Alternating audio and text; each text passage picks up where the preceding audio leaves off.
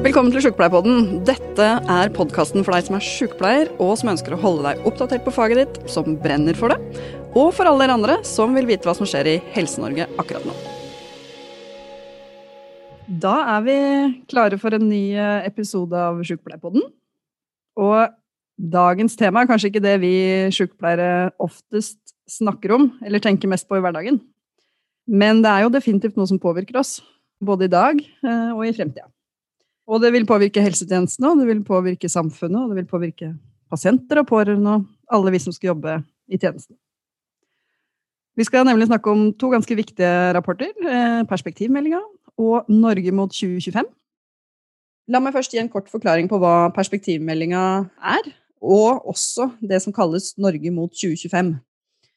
Perspektivmeldinga eh, ser for seg eh, veien fremover de neste 40 årene i et langsiktig perspektiv for norsk økonomi og velferd. Noe av det aller viktigste perspektivmeldinga peker på, det er at eh, vi kommer til å bli mye eldre, og det fødes færre barn. Dermed så kommer mange av oss til å være pensjonister, og færre kommer til å være arbeidstakere. Det er en utfordring for velferdsstaten, men ikke minst, i 2060 så vil én av tre arbeidstakere måtte jobbe med helse. Og i tillegg så skal vi snakke om Norge mot 2025. Det er et utvalg som har et kortere perspektiv, bare fem år. Det er leda av Jan Gunnar, som vi skal eh, snart få hilse på. Og den ser på den økonomiske utviklinga i Norge i lys av den krisa vi står oppi med begge beina nå, nemlig koronapandemien. Dermed så slår vi til, Lill, med to podkaster på rad med økonomi som tema. Nå har det klikka. Tror du medlemmene gidder å høre på det her? Jeg tenker at eh, det, det, er veldig i stil med det vi, det vi, gjør ellers. Eh, og en kampanje som kommer eh, ganske snart også fra oss. og det, det, passer veldig godt. Og ikke minst så tenker jeg at medlemmer, i likhet med oss, har behov for å lære mer og vite mer, og for, også for å kunne argumentere bedre ut fra sykepleierens perspektiv. Mm. Og så når vi snakka om at vi ønska å ha dette her som tema, så diskuterte vi selvfølgelig hvem vi skulle invitere inn som gjest. Og det bruker vi alltid litt tid på. og men Jon Gunnar han er den mest beleste og artigste fyren noensinne. Og dessuten, altså, når jeg liksom begynte å sjekke litt rundt, så uh, så jeg da, Jon Gunnar, at du kommer fra Grue, fra Hedmark.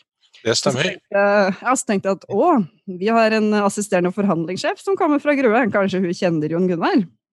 Så jeg ringte Kari Tangen, da, som hun heter, som er vår forhandler. Kari? Ja, ja. Vi har hatt, vært i russerevy sammen. Og kunne bekrefte ryktet om at han var både morsom og belest, og hadde veldig peiling på dette. Så da, da var det avgjort. Vi sendte en melding, og du eh, svarte med en gang at det ville du gjerne stille på. Så hjertelig velkommen til deg. Tusen takk skal du ha. Du er eh, økonom. Eh, vært tidligere statsråd. Nei, ikke statsråd. Statssekretær. Ja, ja. Ikke sant? Uh, og nå er du da leder av det utvalget som heter Norge mot 2025. Det er riktig. Det er ikke et heltidsarbeid. Jeg jobber ved siden av i en bedrift som jeg startet sammen med noen venner for en 10-12 år siden. Uh, og jobber i finansbransjen. Men har jobbet litt med, opp gjennom tiden med skolepolitikk og med uh, å hente penger til selskaper og bedrifter og, og sånt. Og så jobbet i politikk også på 80-tallet. Men uh, det var i, var i, Finansdepartementet for fem-seks år siden, en kort periode. Men ellers er det jeg holder på med, med andre ting. Mm. Er det Arctic eh, Securities? Ja, det stemmer. Det er, er, det fortsatt, er, det fortsatt, et firma som eh, det er verdt å dø for? Eh, ja, i og for seg så håper jeg det. Nå håper jeg at Etter hvert så har det vokst. Vi begynte med 40 stykker, nå er vi vel noe over 300. Så det, det går i hvert fall riktig vei. Så er det det morsomme med å drive egen virksomhet, det er jo at vi kan i noen grad si nei til kunder også. Før så jobbet vi i store firmaer for store banker som eh, hadde eh, kunder over, over hele landet, og du måtte gjøre det bankene ville man skulle gjøre. Mens det å jobbe i et firma du er med og eier selv, da kan du bestemme litt hvem som skal være kunden. Og Det betyr mye for meg. Og Det er jo en situasjon som eh, vi er heldige med. Det er en veldig annen situasjon enn den sykepleiere opplever dere får jo inn de som skal tas vare på, og uansett hvem det er, og når det er, og hvordan det skjer, så må dere stille opp på det. Så det er en, en annen virkelighet. Mm. Nå har jeg glemt eh, Silje, hva det heter, den scoren. Noe på Kara et eller annet score som, eh, som, i alle fall beskriver at sykepleier ligger høyest på den scoren eh, opp mot oppgaver og kontroll over oppgavene eh, sjøl. Og det er vel noe det du beskriver om, eh, om det firmaet, at som eier så kan du faktisk ta kontroll over, eh, over oppgaver og ressurser. Mens sykepleiere da opplever at de har mangel på kontroll over de oppgavene de blir gitt. Ja, det blir pålagt noe. Det må bare løses det, der og da. Og det, det, er litt, eh, si, det, er jo litt, den parallellen du har i, det, i, forhold til det som vi har holdt på med i covid-utvalget. Fordi Da pandemien kom, så var det en oppgave vi hadde tenkt over på forhånd. Mange hadde laget teorier om hvordan dette skulle fungere. Mm. Men det var ingen som egentlig visste hvordan det skulle slå ut.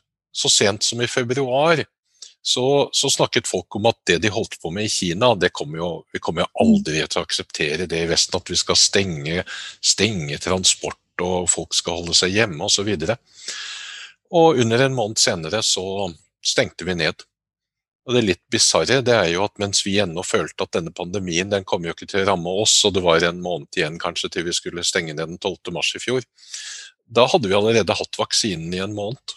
Mm. Det tok to dager å utvikle vaksinen fra vi kjente den genetiske koden, til vi hadde en ferdig vaksine, som er den moderne vaksinen som nå er satt i produksjon. Og Det det forteller, det er jo at vi forandrer oss fryktelig fort nå. Og Det er en av de tingene vi som mennesker som lever nå, må venne oss til på en annen måte enn folk har gjort før. Jeg pleier å si at vi, lever, vi, vi er en av de første seks-syv generasjonene i menneskehetens historie som opplever reelle endringer i måten vi lever på i løpet av vår egen levetid. Eh, fram til slutten av 1700-tallet så levde besteforeldrene i samme verden som barnebarna kom til å overta. Det var ikke det at de ikke hendte ting. Altså, det var kriger og det var naturkatastrofer. og Du kunne jo flytte på det også, selv om det ikke var veldig mange som gjorde det. Men det å oppleve at de grunnleggende tingene, innholdet i jobben, måten du jobber på, måten du snakker med andre, reiser på Det at det forandrer seg i løpet av sin egen levetid, det var noe som rett og slett ikke skjedde. Og Det forandrer jo også mennesker også, for det gjør at vi må forandre oss i takt med dette. Vi må møte nye virkeligheter hele tiden på en helt annen måte enn man måtte tidligere. Og pandemien den viser jo både hvor vanskelig det er å være forberedt på det, og den viser samtidig også noe av styrken at hvis vi først venner oss til det, så er det ufattelig hvilken fleksibilitet og evne til å takle helt uventede ting som, som, som vi er i stand til. Mm. Og det er jo noe utrolig spennende i det òg, samtidig som man selvfølgelig blir urolig på en endring. Vi snakker jo òg mye om det når det gjelder sykepleie at det er egentlig samme samfunnsoppdrag eh, man har fortsatt eh, som på Florence Nightingales i tid. Men det har jo selvfølgelig endra seg både ansvarsområder og oppgaver og, eh, og, arbeidsmåter, ikke minst. Men det endrer seg så usannsynlig fort nå. Og det betyr noe med hvordan du leder de her kunnskapsarbeiderne som sykepleiere og annet helsepersonell også er det med det mye nærere, tettere ledelse, og, men også en, frihet og en tillit i det. I det. Noen transformasjonsledelse, hvis det skulle være være en, teori på det. Men det er klart, når endringen skjer fort, så må man jo være tett og nær på. Du må være tett og nær på, så må du ha en indre trygghet i det du holder på med. Både en trygghet til deg selv og til systemet og til de du jobber sammen med. Og den er det vanskelig å vite hvordan slår ut før du virkelig er der og tester den. Vi så i oktober i 2019, altså et par måneder før de første smittetilfellene kom i Wuhan, så var det en stor undersøkelse laget av internasjonale eksperter ved Johns Hopkins og andre steder, som skulle vurdere hvilke land i verden som var best egnet, best i stand, best forberedt på å håndtere en pandemi. Og da Land nummer én det var USA, land nummer to var Storbritannia. Mm. Norge havnet sånn på 50.-plass eller noe sånt. Nå. Altså det, det, bare viser at de teoretiske analysene du gjør på forhånd, plutselig en dag så står du i det. Og Det er da du testes, og det er da du får vite om systemene har tillit som du har bygd opp, om kompetansen, evnen til å kunne håndtere ting, om den virkelig er der. Vi har jo stort sett vært veldig fornøyd med måten, eh, måten regjeringa og måten Norge da sånn sett har håndtert eh, den pandemien som vi, som vi alle sammen står i. Så det er selvfølgelig ting som, eh, som, kan kritiseres og gjøres annerledes, og det viktigste det er jo hvordan vi lærer å bli enda bedre rusta til neste gang. Og så er det jo som du sier, noe er teoretisk, og noe er jo definitivt praktisk, som det sykepleiere står i hver dag. Mm. Men det handler jo, jeg tenker at Altså, du sier to ting som jeg syns er interessant litt sånn fra sykepleierperspektivet òg. Det ene er at vi er så utrolig omstillingsdyktige. Mennesket, da. Ikke Norge, men mennesket er så utrolig omstillingsdyktig. Og det ser vi jo hver eneste gang du møter en pasient som f.eks. akkurat har fått en uh, beskjed om en alvorlig sykdom. Så, mm. så, tenker mange sånn Nei, det her vil jeg aldri takle. Hvordan skal jeg håndtere det? Uh, men idet du står i det, så er det en reaksjon. Det er noe i oss som mennesker som gjør at du bare Ja, men dette må jeg håndtere. Det er dette som er hverdagen nå. Og så omstiller man seg. Og det føler jeg, det er litt sånn samfunnet har gjort nå. Når vi, som du sier, uh, I februar så ville det være helt utenkelig at vi skulle stenge ned hele samfunnet med de store konsekvensene det har uh, på verdensbasis. Jeg hadde ikke klart å se det for meg, men nå er det det naturligste i hele verden. Og det andre er det at vi har jo så mye tillit til de som styrer, de som tar beslutningene for oss. Altså, det er veldig få i Norge, altså. Det er så, det er så få da, som tviler på uh, at det Bent Høie Når Bent Høie sier det han gjør, så er det veldig få som tviler på at det er det vi skal gjøre. Og det er jo forskjellen fra USA, og i hvert fall. Ja, men det, det, er jo nettopp det at den, den, tilliten er jo ikke noe som går bare én vei. Nei. Den tilliten er jo nødt til å gå begge mm. veier, fordi Bent Høie kan, han må også vite at folk har tillit til ham, og han kan ha tillit til at hvis han sier at nå må vi gjøre sånn og sånn, så gjør jo folk faktisk mm. sånn. Og det, det, er jo der kanskje at en del land hvor du har Du har jo antagelig i de aller fleste land i verden så har du veldig kompetente regjeringer.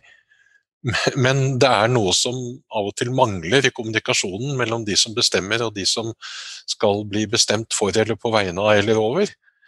Og der har vi jo vi i Norge greid å utvikle nettopp en, en, en balanse hvor vi ok, vi stoler på myndighetene, men da må myndighetene også stole på oss. Og jeg tror nok noe av det de nå er mest var for, det er nettopp det at du, du skal ikke sjefe for mye heller. Altså de, de, de, de vet Vi har alltid hatt en sunn skepsis mot, uh, mot Oslo i, uh, i, i, Norge. Så de, skal ikke tro at de vet bedre enn oss hvordan ting er. Det er derfor vi løsrev oss fra svensker og dansker i sin tid også. Vi, vi, vet jo best hvordan vi håndterer det. Og det er nok sånn at vi vet også den som står ytterst, vet hva det er som skal gjøres bedre enn de som står mange hakk bak. Og Det er kanskje noe av det vanskeligste i byggingen av moderne samfunn, at vi får så mye regler og rutiner og forskrifter og bestemmelser og prosedyrer som du må følge. Hvis ikke så får du et alvorlig bråk med regnskapsavdelingen eller compliance eller juristen eller HR-avdelingen eller hva det måtte være. Mens det du egentlig holder på med, det er bare å prøve å ta den beste avgjørelsen der ute idet du møter, møter, en eller annen som, som, du skal møte i jobben din. Og det er en, en, Det at vi har bygd opp så mye tillit i Norge, og den tilliten kan gå begge veier, det sparer oss som samfunn for svære kostnader. Altså det, det, det gjør at ting er enklere i Norge det er billigere å gjøre det i Norge, fordi vi regner med at vi, vi kan i utgangspunktet stole på folk. Mm. Og Noe av det kommer jo også at vi er et lite samfunn. Du kan jo ikke gjøre noe i Norge overfor noen uten å regne med at du ikke møter mm. dem igjen. Altså, det, det, er en av de store fordelene vi har som land, at vi, vi er fem millioner, så du kan ikke treffe noen bare én gang. Du treffer dem igjen, og da må du regne med at da er, da er kanskje maktforholdet annerledes, og da er det de andre som bestemmer. så du kan ikke oppføre deg hvordan som helst. Men Du snakker om eh, den utviklinga som skjer, og de vaksinene som blir utvikla på veldig veldig kort tid, fordi vi allerede har en, eh, en teknologi som var utvikla sånn sett på, på, forhånd og jobba med gjennom mange mange år. Men det skjer fort. Eh, Silvia Ceres har skrevet en bok der hun bl.a. antyder fra, fra, ulike forskers hold at, um, at vi i løpet av relativt kort tid skal kunne leve mye lenger enn hva vi gjør i dag. Og Hvis vi da drar det tilbake til perspektivmeldinga, som, som er en del av grunnlaget for denne podkasten òg, så er ikke akkurat det er så lystig lesing hvis vi tenker at vi skulle kunne bli 150-200 år hele gjengen. Ja, hvem er det det ikke er lystig lesing for? Jeg tror det kan være veldig morsomt å bli 150 år. Ja. Det, så, det, så det, det, jeg tror hun er inne på noe. Antagelig så er kanskje den, den, første som skal leve til de blir 150, hun er antagelig født allerede. Og det, det, har sine sider ved det. Det er mange filosofer som gjennom, gjennom århundrene har tenkt over er det virkelig et poeng å leve så veldig lenge. Men det viser seg vel at de, de, fleste vil gjerne leve så lenge de kan. Og så er det, er det, en del ting som jo gjør at vi bryter jo sammen. Vi skal jo byttes ut etter hvert. Det er, eh, det er naturlige tålegrenser og levegrenser for hvor lenge vi skal leve. Og det medfører noen eh, store valg vi må gjøre i samfunnet. Eh, fordi vi de siste 50 årene av et 150 år gammelt liv neppe bidrar så mye til andres velstand og hjelp som vi, som vi gjorde de første 100 årene. Silje, vi lever gjerne til vi er 150, sant? Ja, ja, ja, lett. Det gjør jeg gjerne. Men eh, det er jo, utfordringen er jo selvfølgelig det som eh, perspektivmeldingen peker på, da, som ser et 40-årsperspektiv. Om 40 år så er jo ikke jeg blitt 80 ennå, så det er klart at eh, da skal jeg sikkert eh, jobbe også, eh, hvis jeg skal ha noe pensjon å leve av i etterkant. Men for oss da, som jobber i helsetjenesten, så er vi jo Så kan man jo bli ganske urolig av tanken på at hvis vi skal klare å opprettholde helsetjenesten som vi kjenner den i dag, med alle de som skal bli veldig gamle, og færre barn, som jo er liksom kjernen i, i perspektivmeldinga, at vi trenger utrolig mange flere inn i helse og omsorg fordi at eh, vi blir en aldrende befolkning og de demografiske endringene så kan jeg jo kjenne på at jeg blir litt urolig hvis vi da i tillegg skal bli 150 år. Det syns jeg hørtes voldsomt ut. Da blir jo de eh, utfordringene enda større. Nei, jeg tror, jeg tror jo de, eh, hvis, du, hvis, vi blir så gamle, så vil vi jo bli det fordi vi har lært oss en del andre ting også, og gjør en del andre ting med i og for seg med, med ikke bare helsevesenet, men hele måten menneskekroppen fungerer på. Altså vi, vi, er ikke i dag bygd for å leve for 150 år, så de som blir så gamle, de kommer til å leve i en annen virkelighet. Men at dette betyr at vi kommer til å bruke mer ressurser på helse, måtte ha mer kompetanse om helse, ikke bare som gjennom helsevesen, og sykehusvesen og, sykehjem og hva det måtte være, men i og for seg i hele, hele befolkningen. En, en ganske aktiv forhold til egen helse. og visshet om egne valg, og også uh, det at ulike valg har ulike konsekvenser for egen helse og for evnen til å leve lenge, det, det tror jeg kommer til å gå opp for oss jo, jo eldre vi blir. Det, jeg har selv, uh, selv uh, slektninger som er eldre enn meg, og jeg begynner jo etter hvert å bli voksen jeg også, jeg er 58, uh, og merker jo hvordan valg tatt tidligere påvirker den helsestilstanden du har nå det, det, å bli mer bevisst den type konsekvenser, det tror jeg vi kommer til å måtte bli. Mm. Men uh, Jon Gunnar, før vi går videre nå, kan ikke du bare si litt kort om utvalget du leder, som nå har avgitt en delrapport? Og så hvis du bare kan knytte litt opp til perspektivmeldinga, hvis du klarer det kort? det skal, det skal, jeg prøve. Vår, vår oppgave, eh, det, og dette, dette, er i og for seg litt typisk for tiden vi, vi er i, Eh, vi ble oppnevnt ganske tidlig etter at pandemien hadde truffet og man hadde begynt å sette i gang en del tiltak. Og De tiltakene var jo veldig omfattende. Og Det gjorde at eh, man skjønte at eh, det å slutte med å gjøre så mange ting som man holder på med, det kommer til også til å bli vanskelig. Så vår oppgave har vært å se på hvordan, når pandemien etter hvert begynner å gi seg, hvordan skal vi passe på å innrette oss da?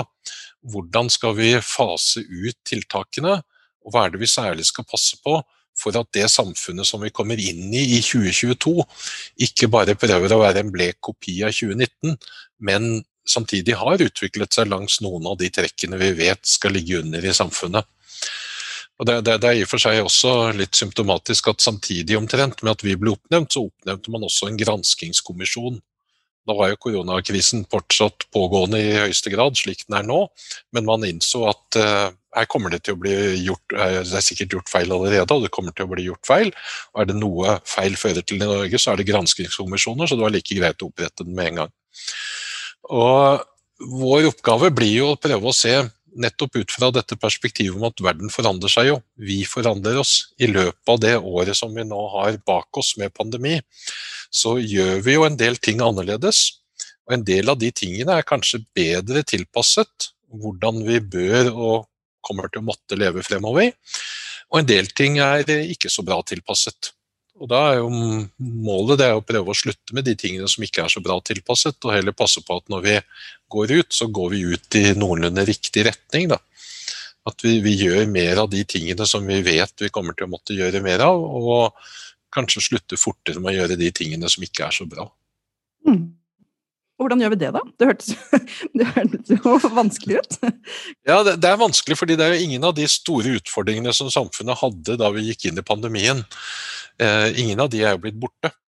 Eh, og det var jo ikke sånn at Da pandemien kom, så hadde vi ikke noen problemer. Alle sa at nei, skolen er kjempebra, og miljøet er bare knall, og økonomien går så det griner, og alle lever lykkelig. Det, det var jo ikke sånn. Vi hadde jo masse utfordringer, og de utfordringene de har vi fortsatt. Vi har bare måttet bruke all energi og oppmerksomhet på noe annet i denne perioden. Så har utviklingen gått videre.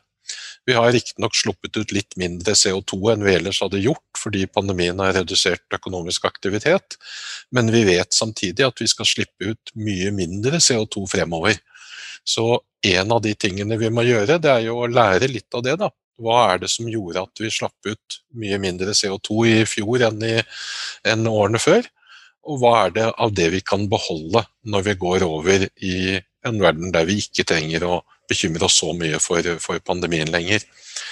Og Det kan eh, være noe på måten vi jobber på, det er måten vi pendler på. Det er utformingen av avgiftssystemet for CO2-utslipp og andre ting som påvirker naturen bærekraft. Og det at vi har hentet en del av veksten i samfunnet vårt fra å overforbruke naturressurser, det må vi rigge om på. Og så er det en del ting som vi jo har tatt noen sprang fremover med. Det har jo aldri vært så mange podkaster i Norge som det er nå.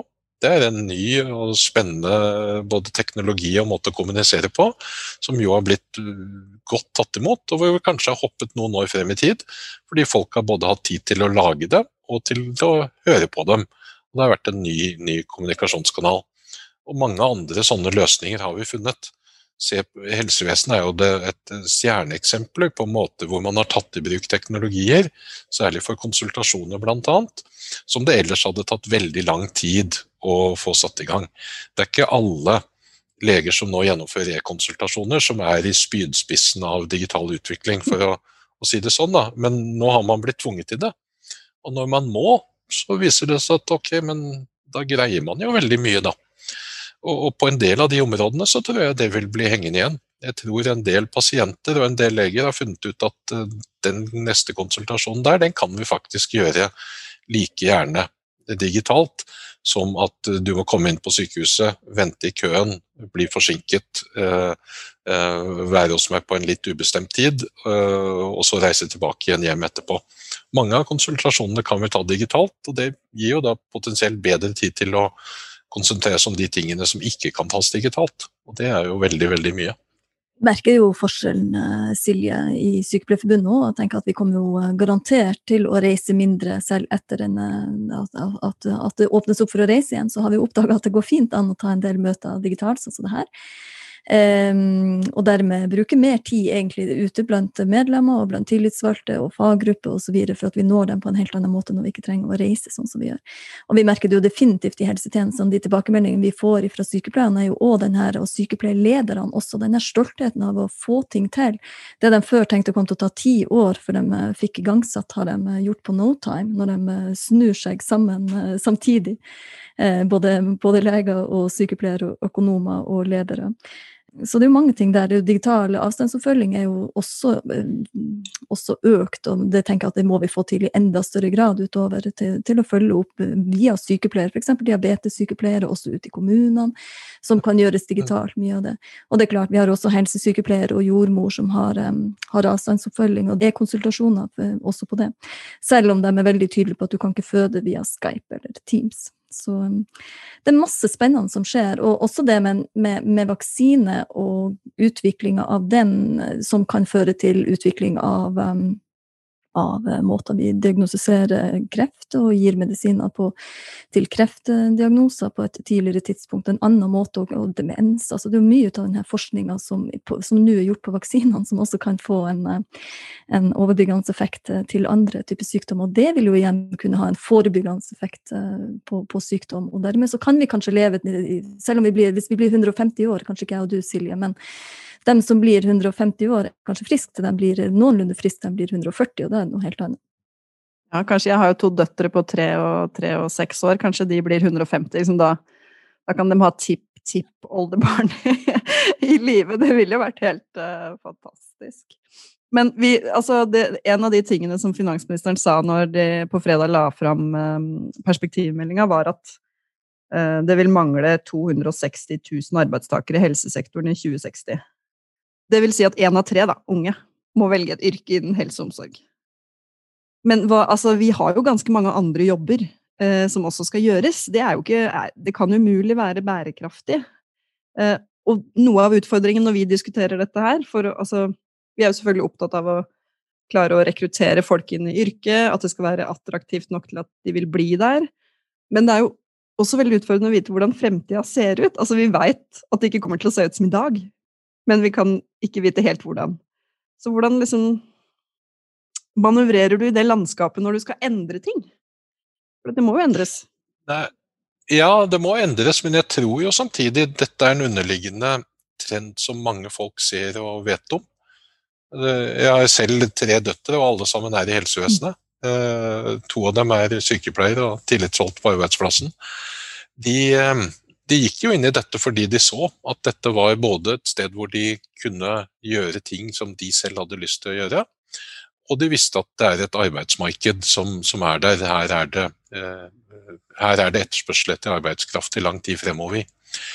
Vi har også en stor arbeidskraftreserve i Norge, i form av folk som eh, ikke kan delta 100 i arbeidslivet. Og vi har mer enn 260 000 som står utenfor arbeidslivet på varige ordninger. Og så er det ikke sånn at de kan jobbe 100 eh, mange av dem. Enten du er beslutningstaker for ansettelse i helsevesenet eller i et annet sted i offentlig sektor eller i en privat bedrift, så har du ansvaret for å ansette den beste til enhver stilling som blir ledig. Og da vil de som en som har 80% kapasitet, taper hver eneste gang i forhold til en som har 100 den, det, det, sånn Økonomene sier at det, det betyr at det er, det er, ikke samsvar mellom den bedriftsøkonomiske og den samfunnsøkonomiske konsekvensen av beslutningen. Det, er, det, bedriftsøkonomiske det betyr ikke at det er næringslivet, det er, det er bare den, det du har ansvaret for. Du skal skaffe den best mulige arbeidstakeren til den plassen du er ledig. Og Der må vi rett og slett lage ordninger som bygger broer over det. Eh, vi må sørge for at samfunnet går inn og hjelper de som ikke har full arbeidsevne, til også å kunne få utnyttet den eh, arbeidsevnen de har. Det er viktig både for dem selv, deltakelsen i samfunnet. Vi definerer oss jo veldig stor grad som hva vi gjør. Hvis folk spør hva driver du med, så sier de jo sjelden at vel, i en eh, tredjedel av døgnet så sover jeg jo. Det, det ikke, du definerer deg ikke som sovende, du definerer deg ut fra yrket ditt. Så det, det, å være med betyr mye for eh, både selvrespekt og sosialt fellesskap. Eh, så der må vi finne ordninger som mobiliserer noe av det. Og så er det jo mange som har ufrivillig mindre deltakelse i arbeidslivet enn de selv ønsker. Og sykepleiersektoren er jo et eksempel på det. Jeg ser jo hvordan eh, prosentpostene og hvordan arbeidstidsordningene, hvor man får stillinger i til i noen tilfeller helt latterlige prosenter av full stilling som utlyses, eh, jo brukes i et spill i forhold til hvordan man eh, maksimerer evnen til å ta ut eh, overtidsarbeid uten å måtte betale for overtid og sånt. Og det, der er det en organiseringsjobb som også skal, skal, og må gjøres for at både de som jobber får den stillingen de vil ha, og at vi får utnyttet arbeidskraften fullt ut. Det, er, det, blir jo helt feil hvis altså, høykompetent arbeidskraft som sykepleiere skal måtte gå uten å ha full jobb når de selv ønsker det, i en situasjon hvor vi trenger ressurser til helsevesenet, det, det, det, må vi gjøre på en bedre måte. Tusen takk for at nettopp du sier det med din bakgrunn eh, som, eh, og det, det området som du også jobber innenfor. Det er helt nødvendig at vi har eh, sånne som deg, som, som, sier, som sier det som vi har sagt i mange, mange år. Det er jo ikke for sykepleiernes skyld alene. Selvfølgelig er det fint for sykepleierne det å kunne ha en, en heltidsjobb som gjør at de også kan tjener nok til å både kjøpe seg bolig og hva det enn måtte være. Men det er jo ikke for sykepleieren sin del som sådan. Det er jo for samfunnet sin del en helt unøttig bruk av altså Du er virkelig samfunnsøkonomisk unøttig å drive på å utdanne folk som skal jobbe i mindre prosent. Ja, det er jo bare å tenke seg selv hvordan du tenker, oppfatter det som pasient. Eh, for å ta et annet eksempel. Hvis du skulle gå til en tannlege som var i 20% stilling, så vite at denne, denne her tannlegen jobber hun borer i tenner én dag i uka. Eh, det, det, du har ikke lyst til å gå der. Du vil jo gå til en som holder på med dette hele tiden, og som, som er profesjonell og på, på, på, ballen eh, hele tiden. Mm. Og vi har eh, Altså, i dag mangler det jo allerede da, 6000 sykepleiere bare, men, men, hadde vi løst den kabalen du snakker om nå, fått folk til å bruke hele arbeidsevnen sin og hatt 100% stillinger, så hadde vi jo faktisk ikke hatt den store sykepleiermangelen per i dag. I tillegg til at vi selvfølgelig har veldig lav eh, avgangsalder, da, fordi vi har en uførepensjonsalder på 57. Så det er mange, ja. eh, mange aspekter her, men deltidsproblematikken i helsa så det er en stor samfunnsutfordring for oss. Det er den. Og det, jeg vil jo si at det er ikke, det, det, jeg skal ikke ta stilling til å si at uh, her ligger åpenbart alle feil og mangler på arbeidsgiversiden. du får meg ikke dit, men det, er et Eh, vi kan ikke som samfunn sitte og se på at vi organiserer oss sånn at, vi, at, folk som vil jobbe, ikke får jobbet i den sektoren vi vet har underskudd på arbeidskraft allerede, og kommer til å få et større underskudd hvis vi ikke får mobilisert, får mobilisert mer av den restarbeidskraften som vi har i samfunnet allerede. Og som i dag eh, i stor grad helt uforskyldt og uten deres eget ønske står utenfor arbeidsmarkedet. Det er jo egentlig det vi også har sagt til myndighetene, at det, er ikke noe, det er ikke noe, det er ikke noe altså, Det nytter ikke å drive på å fordele en skyld om hvem er sin skyld at det er blitt sånn, eller at det er sånn i dag. Man er nødt til å se fremover på de store utfordringene vi kommer til å ha, de demografiske utfordringene som gjør at uh, vi er nødt til å finne noen løsning på det her. Og det må vi gjøre i lag. Og da må vi bort ifra myter og historier om, eh, om, hva det er som gjør det. Vi er nødt til å faktisk finne ut av det i lag, og det har vi, det har vi bedt om, og det håper vi at vi får til. Mm. Og så alle de som står uh, helt utenfor uh, arbeidslivet, hvor mange sa det det var, Jan Gunnar? Det, det er et sted mellom 15 og 18% av den yrkesaktive befolkningen. Ja. Så det er, det er, nesten hver femte arbeidstaker som, som, kunne jobbet hvis vi hadde tilrettelagt for det. Men det er ikke alle de som kunne jobbet 100 eh, men uh, enhver, ethvert bidrag hadde jo spilt en rolle. Det har vi jo sett nå i pandemien, hvordan verdier er blitt borte fra samfunnet. Vi er blitt fattigere som samfunn. Fordi til, til, neste år så kan du jo skaffe deg mer av det meste. Altså, du kan kjøpe en ny bil, og du kan kjøpe nye stoler, og du kan ha skiftet ut hund og ektefelle og hva det måtte være. Men en arbeidstime som er blitt borte, den får du ikke igjen. Altså, hvis du ikke er i arbeid, så er det for, nettopp fordi vi blir, vi blir, eldre hvert eneste år. Så en time som ikke er brukt til nyttig, nyttig arbeid, den er blitt borte. Eh, og Det betyr altså at sløsingen med arbeidskraft det er den mest alvorlige sløsingen vi har. Eh, så det å sørge for å få folk fort i arbeid igjen, og få i arbeid igjen Det er bedre å jobbe litt enn å jobbe, jobbe ingenting. Det, det, er vi, det, er den største utfordringen vi har når vi kommer ut av pandemien. Vi vet dessverre at eh, når arbeidsledighet, selv om det er kortvarig arbeidsledighet på et høyt nivå, det, det har en, en effekt hvor det henger igjen i samfunnet en del. slik at uh, Går arbeidsledigheten først opp, så er den mye verre å få nedover igjen enn den, den, var da den økte. Så Vi risikerer at vi noen år fremover har en noe høyere arbeidsledighet enn det vi hadde hatt uten denne pandemien. Jeg får så lyst til å fortelle om eh, Jeg har en, en min storebror. Han er ufør etter en trafikkulykke. Han var i en trafikkulykke når han var 21, så begynner han å bli noen år siden. Han er 40 år nå. Men han hadde et veldig ønske om å, å få lov til å jobbe. Uh, han var, hadde jo ikke noe utdannelse, for han var så ung når han kom i den trafikkulykka. Og det brukte han mange år på å liksom, hva skal jeg si, uh, få uh, Nav da, til å forstå at han hadde lyst til å bidra. Han trengte ikke engang å få betalt, som han sa. altså bare det der å fylle dagene sine med noe, kunne svare at jeg gjør noe eh, når folk spør deg. Men det, det var helt umulig. Altså, han fikk en uføregrad mot sin vilje, rett og slett. Og eh, det, han svar, det, han svarer når jeg spør hvordan har dagen din vært, eller hva, det, hva har du gjort, så er hans svar eh, minst mulig på mest mulig tid. Og det er jo litt humor, men det er òg ganske trist. At han skal bruke Altså, han kommer jo helt sikkert til å bli 80 år, liksom. og ikke har muligheten til å bidra i det hele tatt. Nei, vi, vi, ser jo også at det det er, særlig for unge som blir eh, stående uten arbeid i, i den tiden de skulle gått inn i arbeidslivet. Mm. Så, så, er det en del ting rundt uh, det vi kaller emosjonell og sosial kompetanse som du også mister da. Så det, det, er, det, er, vanskelig for mange av oss å skjønne hvor viktig du er på arbeidsplassen for de andre som er rundt deg. Eh, og det å lære seg det, lære seg kodene, lære seg hvor avhengig av du er av andre, hvordan du jobber med andre, det er også en læring. Det er veldig annerledes på, på å komme fra skolen og gå ut i arbeidslivet. Få ansvar. Det, dere i, i sykepleieryrket så blir det jo med en gang kastet inn i ting som gjelder liv og død. Så det blir ikke mer alvorlig enn det. Og det å lære seg det, det er en viktig læreprosess. Og hvis du kommer for sent uti det, så kan det bli vanskeligere. Hvis du mister den kompetansen tidlig i livet, så, så må vi passe på særlig de, de, yngste. De som har begynt på skole nå, en skole som var på et nivå de ikke var vant til å ha. Det må ha vært fryktelig vanskelig. Og det å skulle eh, begynne i ny jobb uh, i, i, en sånn unntakstid, selv om flesteparten av oss er på jobb i dag altså vi, Det er mange som har hjemmekontor, men de fleste har ikke hjemmekontor. De er nødt til å møte opp et sted og gjøre jobben sin der. Eh, de, det er likevel en veldig annerledes tid for dem. Både det å komme seg til jobb, det å, hva du kan gjøre med kollegene på arbeidsplassen etter jobb, alt det er jo blitt borte.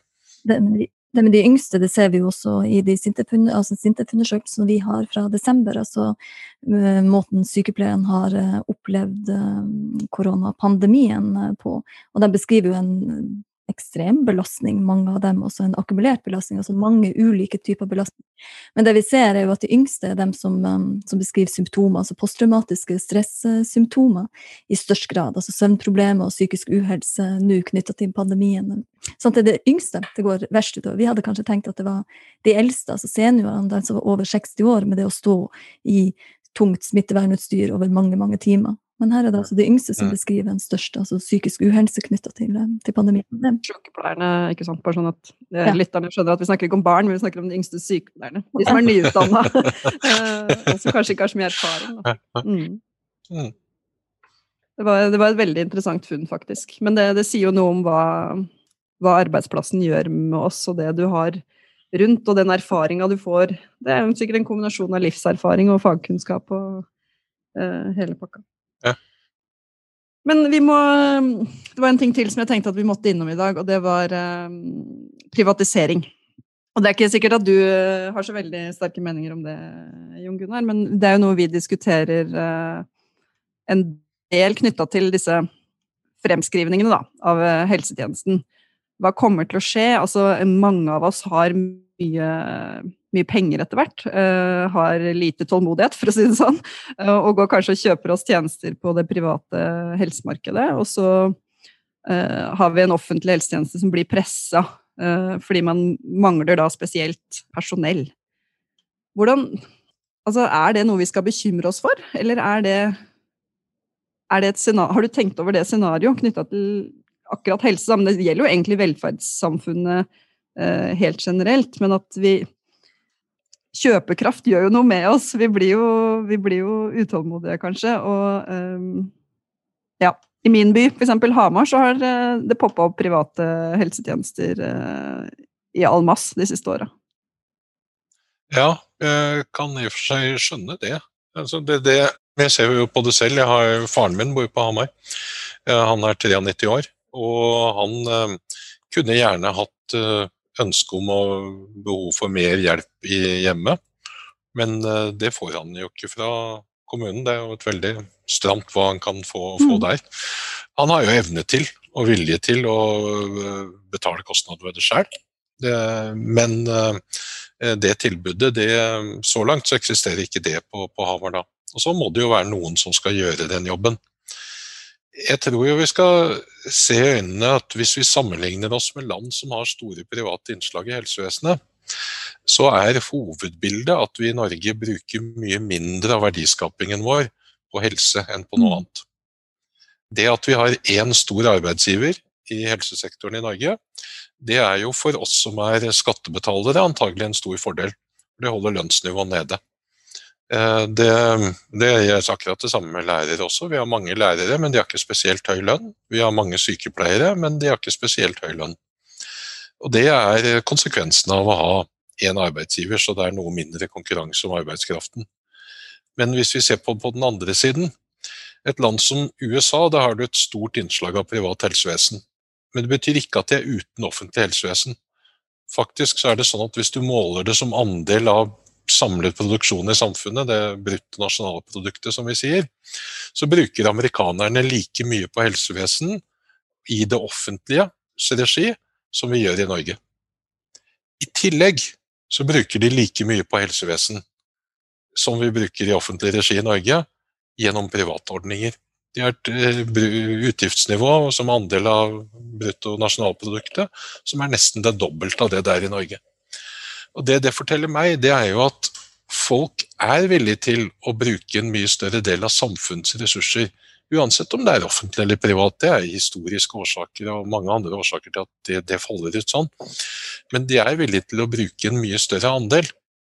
Eh, og så er det ulike mekanismer som holder, eh, holder det i sjakk, eh, og som gjør at vi, vi, bruker mindre enn kanskje instinktet til befolkningen selv er, hvis de hadde følt de måtte ta et større ansvar for å finansiere det. Mm. Ja, Lill, hva tenker du? Det var flere ting med det du sa her som er, som er interessant eh, og, og, helt riktig, eh, som du sier, at um, opp mot USA og måten bruker, de bruker penger på av bruttonasjonalproduktet på helse og det vi gjør. Det ene er jo, som ble en sånn refleksjon, var det knytta til det imperfekte markedet. Vi bruker å snakke om at det er egentlig et imperfekt marked. Altså når vi mangler 6000 sykepleiere i dag, så burde man jo egentlig fått høyere lønn uh, i, i, i Norge. Eh, fordi hvis markedet som sådan skulle fungere, så ville man måtte eh, ha høyere lønn. Men når du da har egentlig en slags monopol, du har det statlig finansiert, så er du, som du sier, er du med på å holde lønningen nede. Så vi tulla litt med det. Litt alvor og litt tull. altså med Kanskje vi skulle stifta Norsk Sykepleierbemanning eh, AS. Vi hadde jo, Norsk Sykepleierforbund hadde et bemanningsbyrå på 30-tallet.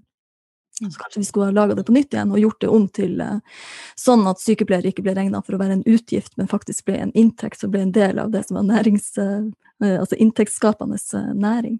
Og at det kunne være med på å få opp lønna til, til sykepleiere som sådan, hvis det faktisk ble en del av et marked. Og så er det mange grunner til hvorfor man ikke nødvendigvis ønsker det i utgangspunktet. En todelt helsetjeneste, som vi ser i, ser i USA, og med, med, alle de svakhetene som ligger, ligger knytta til det. Men samtidig så må vi jo samtidig jobbe for å få opp lønningen til sykepleiere. Ellers så får du jo definitivt en todelt helsetjeneste også, også der. Hva tenker du om det? Jo, jeg, jeg, tror jo det. Og det, det, det som jeg syns du, du, du, peker på et veldig annet viktig poeng her, og det er at det er en litt sånn tulledebatt som av og til går i Norge, hvor man later som om, eller høres ut som, eller kanskje i våre dager mer misforstås som om man mener at vel, verdiskapingen den skjer i privat sektor, eh, og så holder det offentlig det er en utgiftspost. Det er jo ikke sånn. og Pandemien har jo veldig tydelig synliggjort at det skapes jo verdier i både privat og offentlig sektor. Og Samtidig har den synliggjort også, synes jeg, at det skapes jo velferd begge steder mm. også. Det er ingen tvil om at helsevesen, eh, trafikk, eh, kontroll, politi, forsvar Alt sammen er jo grunnlag for at resten av samfunnet skal fungere. Du hadde ikke vært i stand til å selge en eneste vare hvis det ikke hadde vært noen veier du kunne frakte varene på.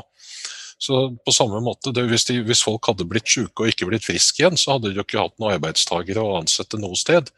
Så det, det, jeg syns pandemien synliggjør, det at verdiskaping det handler jo om et noe vi gjør i fellesskap. Og Samtidig så er det også sånn at det er ikke slik at det offentlige har monopol på velferd. At ytelsene det offentlige skaper, det er per definisjon velferd, og privat det er bare kommers og, og profitthunger. Altså selv restauranter og frisører har jo synliggjort nå at det er jo ganske hyggelig at de er der. da. Vi føler oss jo bedre når vi får brukt dem, og jeg, jeg ante ikke at frisører var så viktig før de plutselig måtte stenge. Jeg pleier alltid å si i økonomien at vi kan ikke leve av å klippe håret på hverandre, men vi fikk jo synliggjort at jo, det å klippe håret på hverandre, det er jo ganske viktig òg, det. Både for vår egen velvære og, og ja, det, det, er en del av et sosialt fellesskap som også noen som har valgt å begynne å klippe hår for profittmaksimering, men likevel, det, det er noe velferd i det også. Og det håper jeg vi virkelig lærer noen ting ut av uh, i etterkant av det her. At vi blir mye mye tydeligere på akkurat det som du sier, den symbiosen mellom privat og offentlig næring. Og det gjelder jo kanskje, kanskje både fra offentlige sider, offentlig del av um, sånn som oss, og lærere og andre, at vi er tydelige på den symbiosen fra vår side. Men også fra privat næring, sånn at vi får bygd ned den der inntekt-utgiftsideen. Det er viktig for oss at vi Litt også det du sa her i sted, tilbake til det med, med Hvis du er uføretrygda og opplever deg sjøl som en utgift, Sant? Det å bidra inn og det å skape inntekter. Det er noen ting hvis du som sykepleier også får et stempel på det, at du egentlig er en utgift i, på sykehuset. Når du er ansatt der, så er du egentlig en utgift.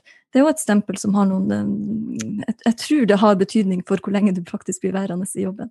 Og det er klart, Vi hører jo det noen gang definitivt som at nei, vi må kutte ned på utgiften og vi må øke inntekten. Så da kan du sånn sett sette flere leger i jobb og tjene DRG-poeng, altså inntekt til sykehusene, men du må kutte utgiften, så du må kutte sykepleieren som skal ta vare på de pasientene som legene har eh, behandla. Helt, helt ulogisk. Men der ser man jo virkelig at eh, sånne finansielle insentiver funker. da, fordi Apropos eh, virtuelle konsultasjoner, så gjorde man jo en endring eh, Jeg vet ikke om det var knytta til pandemien, men det var, var det i hvert fall eh, rett rundt der. At man gjorde en endring som gjorde at også sykepleiere fikk eh, DRG-poeng for sånne videokonsultasjoner. Eh, og legene fikk også DRG-poeng for tele, altså telefonkonsultasjoner. Og det spratt i været. Altså Sykehusene er superopptatt av å tjene disse pengene sine. Sånn at det funker virkelig. Hvis du ønsker å, å twerke noe innenfor helse, så endrer man på disse finansielle eh, ordningene de har. Så vi er jo opptatt av at sykepleie også ikke bare, som Lill sier, er eh, ja, en utgift, da. Det er jo, det er definitivt Du får stempla utgift i panna di når du er sykepleier. Mm. Ja, jeg tror, jeg tror, ikke det er sånn annet enn eh, det, det, må, det er nok noe som er særlig da utbredt i sykehusadministrasjonen og hos regnskapsførere. For jeg, jeg har ikke inntrykk av at det er in, ryktet dere har i befolkningen. Det, men det er jo sånn du er inne på noe her, og det er noe av det som gjør at jeg ble økonom. Det er jo det fascinerende at insentiver, det virker. Mm det, det, det, får oss til faktisk å opptre på forskjellige måter. Og økonomi, penger, det er jo bare et symbol på noe. Det er jo bare et virkemiddel for å oppnå noe annet. Men hvis du gir penger til noe, så virker det. Hvis du gjør elbiler billigere enn andre biler, så kjøper folk elbil. Hvis du legger høyere priser på noe og sier at vi bør ikke røyke så mye, så den blir dyr, ja da kjøper folk mindre tobakk. Eller så reiser de til Sverige hvis prisen blir altfor høy, og så kjøper de tobakken der i stedet. Til en mye høyere kostnad enn ellers, men de gjør nå det. Alle sånne økonomisignaler virker. Så noe av det som er fascinerende, det er å passe på å prøve å tenke gjennom ja, hvordan virker de egentlig. Hva slags andre ting er det som blir påvirket, eh, påvirket av at vi gjør dette. Ofte så knytter vi jo nettopp eh, de økonomiske signalene til virkemidlet og ikke til målet. Jeg kan si at eh, For å ta tannlegen min som eksempel igjen. da, Egentlig så burde jeg jo betalt tannlegen for ikke å ha hull i tennene. Eh, fordi det er jo målet ved å gå til tannlegen. Og det, tannlegen bør jo ha en stor interesse i å sørge for at jeg holder tennene mine i orden. Slik at han slipper å gjøre en jobb, og at hun slipper å bore og plombere av hva det er man må gjøre når jeg kommer innom. Men i dag så får hun jo betalt for hvert eneste hull jeg mm. har. Så hun har jo egentlig alle insentiver til å gå ut og kjøpe aksjer i Nida Bergene og reklamere for uh, sukkerholdige leskedrikker og hva det måtte være. fordi jo flere hull folk har i tennene, jo bedre går det jo, går det jo for henne. Så det, det, er litt sånn i, i helsevesenet også at når du vi lager insentiver som kanskje da ikke hensyntar nok at det at du skal helst holde folk ute fra sykehuset, du skal ikke belønnes for å behandle dem når du først eh, er nødt til å komme inn der. Og det er akkurat det, Hvis eh, behandlinga er det som gir inntekt, mens eh, pleie og omsorg og forebygging i liten grad eh, gir, gir inntekt, heller blir oppfatta som, som, utgift, eller ut ifra ja. finansielle insentiver i alle fall blir en, blir en utgift, da har vi et problem. Ja. Hm. Men dere, tusen uh, takk, Jon Gunnar. Vi må begynne å avrunde. Jeg hadde jo, Det siste spørsmålet jeg hadde tenkt til å spørre deg om, var om du ville anbefale barna dine å bli sykepleier, men nå skjønner jeg at det har du allerede gjort, så det kan jeg ikke det, ikke, det, det trengtes ikke en anbefaling, dette valgte de selv. Dette er eh, oppegående, vettu folk som eh, vet at dette yrket greide å kombinere både utfordringer, utviklingsmuligheter og evnen til å bruke kompetanse. Og så var det en ganske sikker arbeidsplass. Så de, de tror jeg har trives og har tatt disse valgene helt uten min påvirkning. Du må hilse masse til dem begge to, egentlig alle tre, også hun, som, hun eller han som var, var lege. Det var i hodet og det var i dette. Ja, ja, da, ja. Utrolig viktige yrker og utrolig bra. Og det er jo som vi har snakket eh, mange ganger, Silje, at ja, det er tøft, og det som kommer frem i media, så blir det jo veldig mange litt sånn eh, fæle beskrivelser av hvordan det er å være sykepleier. Og det er jo også sånn. Eh, det er òg en del av storyen, men vi kommer ofte ikke på i media for å fortelle hvor fantastisk bra yrket er. og det er tøft på, på mange forstand, altså både i positivt og negativ forstand. Men mest av alt så er det jo utrolig bra utdanning som jeg enda ikke har hørt noen som angrer på. Det var en uh, fantastisk uh, avslutning på ukas uh, sykepleierpod. Håper alle har blitt bitte litt klokere. Det har i hvert fall jeg. Og neste uke så skal vi snakke om hvordan det er å gjøre feil. Det gjør vi alle innimellom, også sykepleiere. Og konsekvensen kan noen ganger bli ganske stor. Vi høres.